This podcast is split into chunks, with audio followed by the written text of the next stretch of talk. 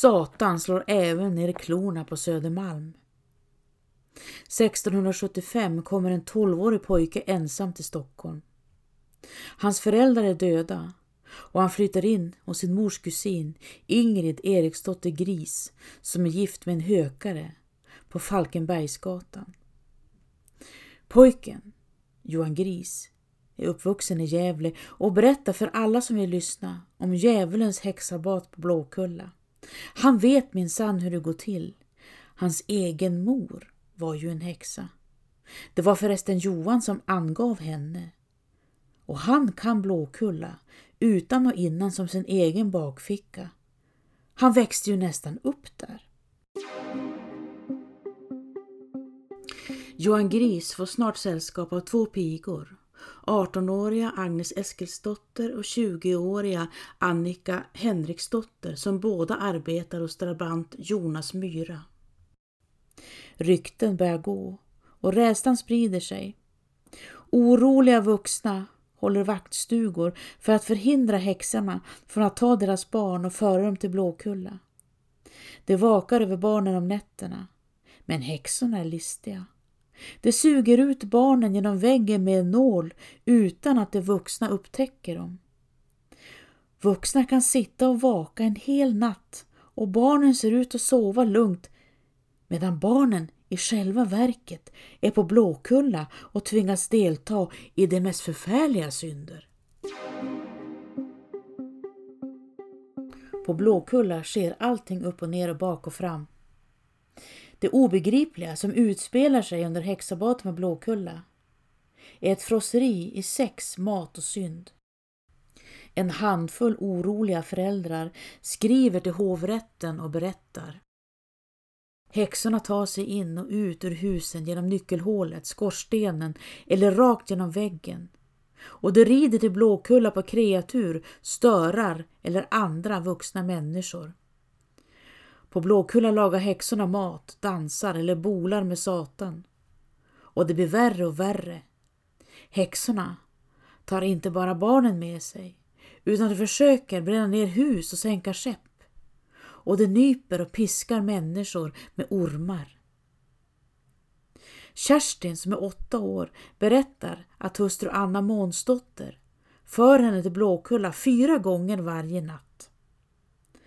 Anna ligger hos den fule under bordet, klappar och kysser honom och när den fule frågar Anna Månsdotter om hon vill tjäna honom svarar Anna ja. Många människor på den här sidan av Malmen stör sig på Anna Månsdotter eller vipp upp i näsan som hon kallas eftersom hon sätter näsan i vädret och klär sig i fina klänningar. Två av Anna Månsdotters bekanta, systrarna Anna och Britta Sippel, grips också som häxor. Det är någonting skumt med systrarna, har många tyckt länge. Anna Sippel kokar häxbrygder i bagarborden och ingen tror på henne när hon berättar att hon i själva verket tillverkar örtmedicin av ingredienser som hon köpt på apoteket. Hennes syster, Britta Sippel, eller Näslösan, är känd för sitt vresiga humör. Namnet Näslösan syftar till hennes make som är syfilitisk och förlorat en del av sin näsa. En av föräldrarna som vakar över sina barn om nätterna visar upp en hårtuss som han får tag i men han huggit yxan i väggen i ett försök att mota ut den onde. Håret tillhör Britta Sippel som nekar. Men till och med Britta Sippels döttrar anklagar sin mor för häxeri. De tre fångarna Anna Månsdotter och systrarna Sippel döms till döden och avrättas den 14 april 1676. Nu är stenen i rullning. Satan har tagit sig in i människors mörkaste vrår och utför sina trick utan hämningar. Anklagelserna växer och två pigor, Margareta och Maria, anger sig själva. Barnen vittnar också mot pigorna som säger att barnen vet nog bäst. Båda två döms avrättas i maj. Även pojken, Johan Gris, anfäktas av djävulen och erkänner inför rätten att han i själva verket är en häxa som bara klätts ut sig till Britta Sipfel. Efter det hålls han kvar i häktet. Malin Matsdotter är 63 år och kommer från Finland. Hon betraktas som stursk och hård och kallas för rumpare Malin som betyder ungefär dum och senfärdig. Malin gifter sig med enkemannen och tråddragaren Erik Nilsson som har tio barn och familjen bor i ett eget hus på Bondegatan på Södermalm. Malin födde 14 barn. Men endast döttrarna Annika, född den 3 december 1655 och Maria, född sent 1656 eller tidigt 1657, överlever barndomen och blir vuxna. Någon gång i slutet av 1667 eller i början av 1668 när döttrarna är omkring 13 och 11 år rymmer de hemifrån. Far slår dem, berättar det. Far slår dem hårt och ofta och när de kommer hem igen vankas ännu mer stryk både från far men också från mor. Under prygeln ropar den äldre dottern Anna till far Erik Nilsson. Gud vet moder slår och i slår, men jag må nu icke längre tiga. En sån synd haver gjort, att hela tiden stått på en stol över vår svarta ko som en tupp över en höna. Oj! utbrister Sancho Panza. Det var en hemlighet som hette duga. Om inte dottern hittar på förstås. Som hämnd. Det är väl inte så troligt, svarade Don Quixote.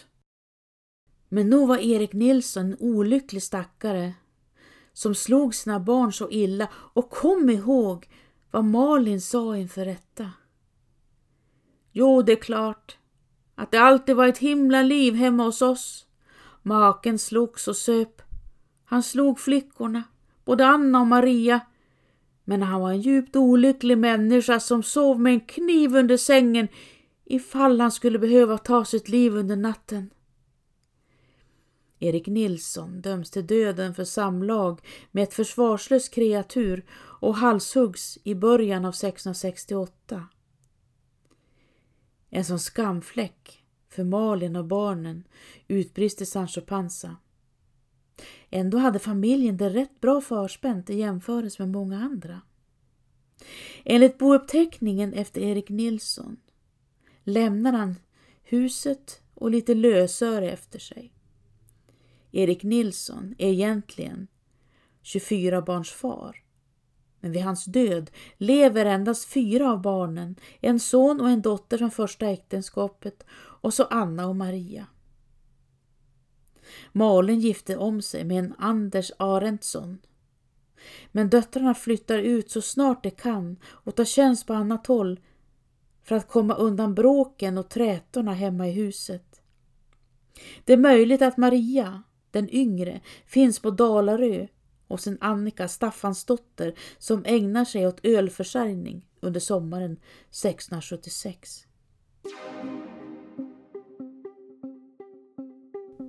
Malin äger samtidigt ett eget hus i Bastugränd nedanför Mariaberget.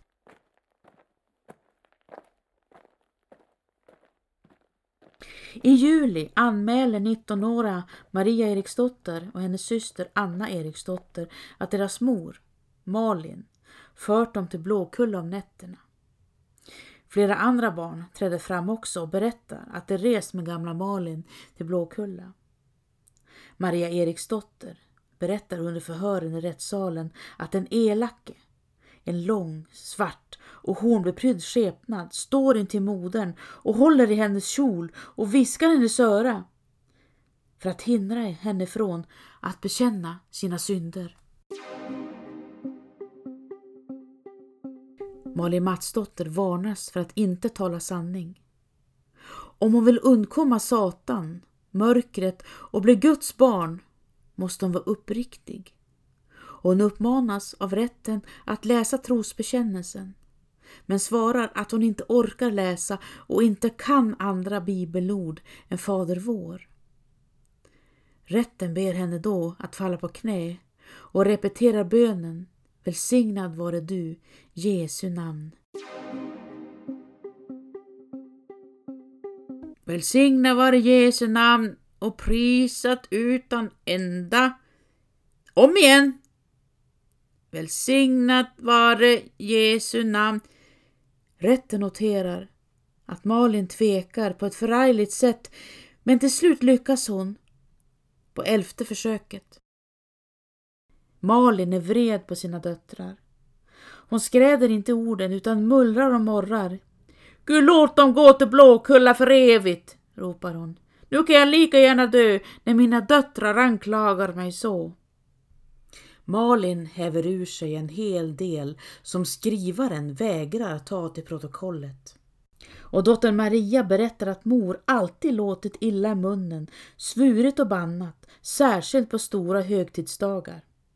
Malin uppträder vredgat och dottern Anna blir rädd när mor besöker hennes nattliga drömmar och hälsar att hon ska bräcka Annas nacke om hon vittnar mot henne. Förresten, säger Anna, har hon själv börjat föra barn till Blåkulla. Maria Eriksdotter får frågan om hon i själva verket försöker komma över moderns gård på Bastugränd. Men det nekar hon bestämt till. Rätten är övertygad om Malins skuld och ett avgörande bevis hennes usla kristendomskunskaper och ihärdiga nekande. Hon döms till döden, att brännas levande så att hennes hårda själ ska få en försmak av helvetets eld. Den 5 augusti avrättas Malin på Hötorget samtidigt som en annan kvinna som kallas Tysk-Annika. Tysk-Annika har angivits som häxa bland annat av sin egen unge son. Men eftersom hon erkänt missgärningen halshuggs hon innan bålet.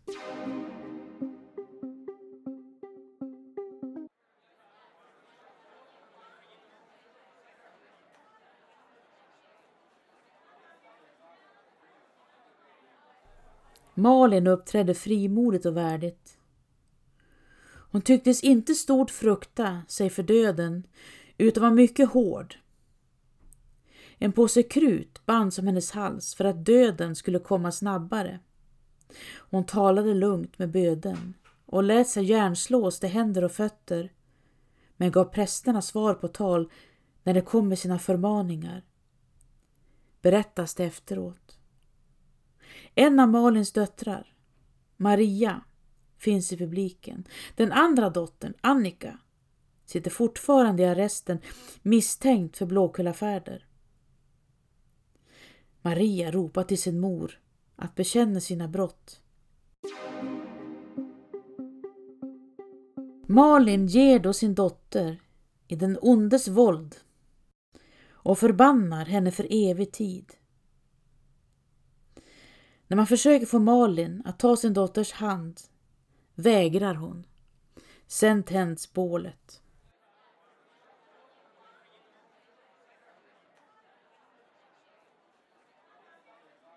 Malin försvinner in i lågorna utan att skrika. Och det kan också stå som ett bevis för att hon verkligen är en häxa eftersom häxor inte känner smärta. Räkenskaperna finns kvar. Bålet var byggt av plankor från rivningshus, toppat med näver och tomma kärtunnor. Någon vecka senare pekas kaptenskan Margareta Remmer ut som häxa. Nu har rättens ledamöter på allvar börjat fatta misstankar mot barnens berättelser och ansätter vittnena hårt med frågor. 15-åriga pigan Annika Tomasdotter brister ut i gråt under förhöret och erkänner. Det är Myras pigor, Agnes och Annika, som sagt åt henne vad hon ska säga. Blåkulla är ett så laddat begrepp på Malmen att om någon ifrågasätter blir den förföljd. Efter Annika Tomasdotter vågar fler erkänna att de ljugit. Det visar sig att några vittnen varit drivande. Pojken från Gävle, Jonas Myras pigor, Agnes och Annika och Lisbeth Karlsdotter. Och det har förekommit både hot och mutor.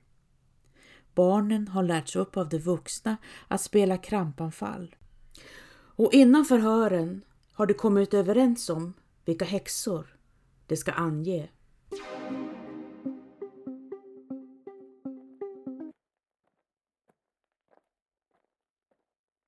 Nu går det plötsligt undan. Trolldomskommissionen blir upplöst och allt förklaras som djävulens bländverk. Jonas Myras ena piga, 18-åriga Agnes, döms till döden. Liksom kronvittnet, Lisbeth Karlsdotter. Som bland annat hävt ur sig att om hon fick råda skulle hon endast lämna tre kvinnor kvar i hela staden. En tredje piga, Maria Nilsdotter, avrättas också. Hon sökte sig så ofta till vaktstugor att man placerade henne på Danviken ett tag. Men det var först när Maria Nilsdotter började rikta anklagelser högre upp i samhällsklasserna som Trolldomskommissionen drog öronen åt sig.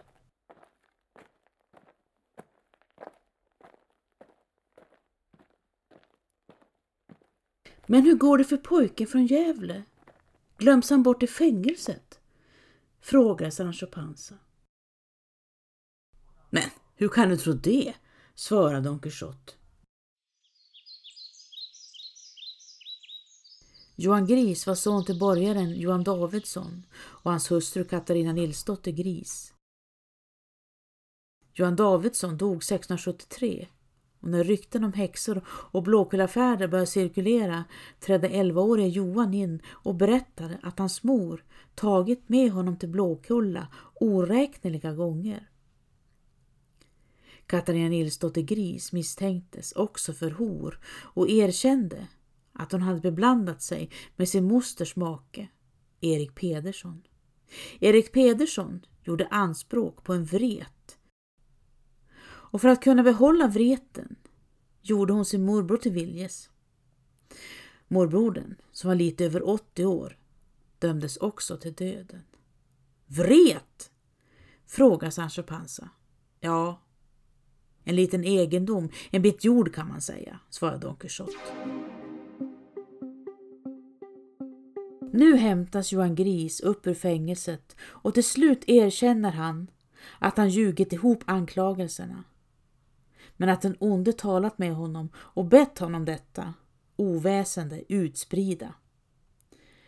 Han döms till döden och halshuggs 13 år gammal trots tydliga förbud mot dödsstraff för barn.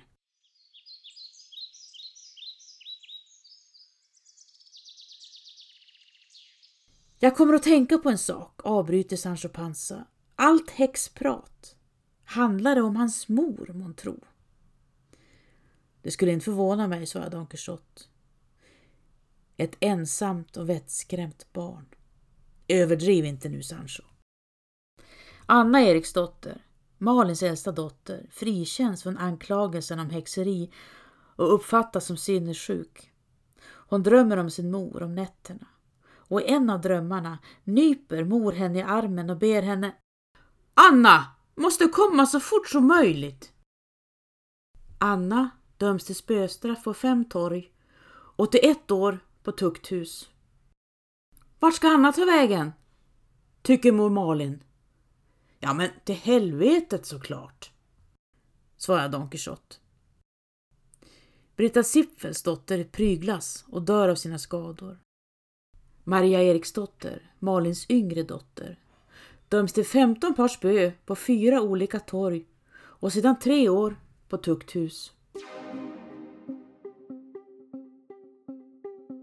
Hon piskar samtidigt som Jonas Myras andra piga, Annika, Först på Östermalmstorg, där det skriker att det plågats nog av djävulen och att det inte behöver lida av människor också. Då går åskådarna till attack med stenar och snöbollar mot gubbarna som plågar flickorna. Efteråt måste de stå i en timme vid pålen med ris i handen innan prygeln upprepas på Södermalmstorg, Gustav Adolfs torg och på Hötorget.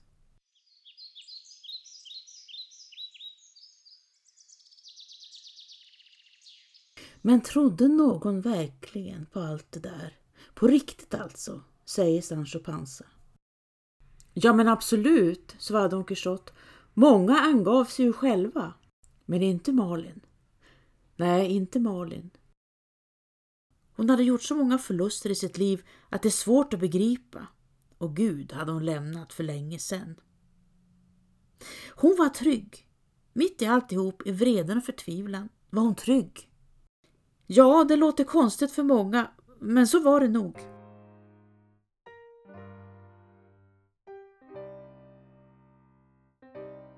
En dag i september stegar jag och en annan Anna upp för trapporna från Södermalmstorg till Mariaberget. Vi går till detta stopp och vi står vid ett rött plank och tittar ut över Stockholm. Så det här var din stad Malin. Din och dina döttrars, Anna och Marias. Livet var sannerligen inte nådigt mot någon av er. Malin Matsdotter ska ha bott i ett litet eget hus på Bastugränd, men Bastugränd finns inte ens utmärkt på 1674 års karta över Södermalm, så gränden måste ha varit ovanligt kort och liten. Jag har försökt hitta uppgifter om Malin Matsdotters två döttrar, men utan att lyckas. Förmodligen hankade sig fram som de hårt prövade individer de var i ett kallt, fattigt och hårt Stockholm. Om inte ett mirakel inträffade förstås, men det gör det ju sällan. Don Q, det sitter en liten ful fan på din axel och flinar, ropar Sancho Panza. Var då, var då? Just där! Don Quixote för handen snabbt över axeln. Ingenting här, ingenting där. Sancho, du ser i syne. Nyckeln till tro och övertygelse. Den som tror, den ser och hör oavsett vad den tror på, medan andra som inte tror förblir oberörda. Äsch, jag bara skämtar, fast inte bara, flinar Sancho Panza. Det sitter en stor fet bärfis vid ditt öra. Men kan vi inte tänka oss ett annat slut för Malin och hennes döttrar? Malin står över elden och steker fattiga riddare. Snart kommer det, hennes flickor, båda två. Kom in, kom in, säger Malin. Varsågoda och ta för er, idag får ni äta så mycket ni bara vill och orkar.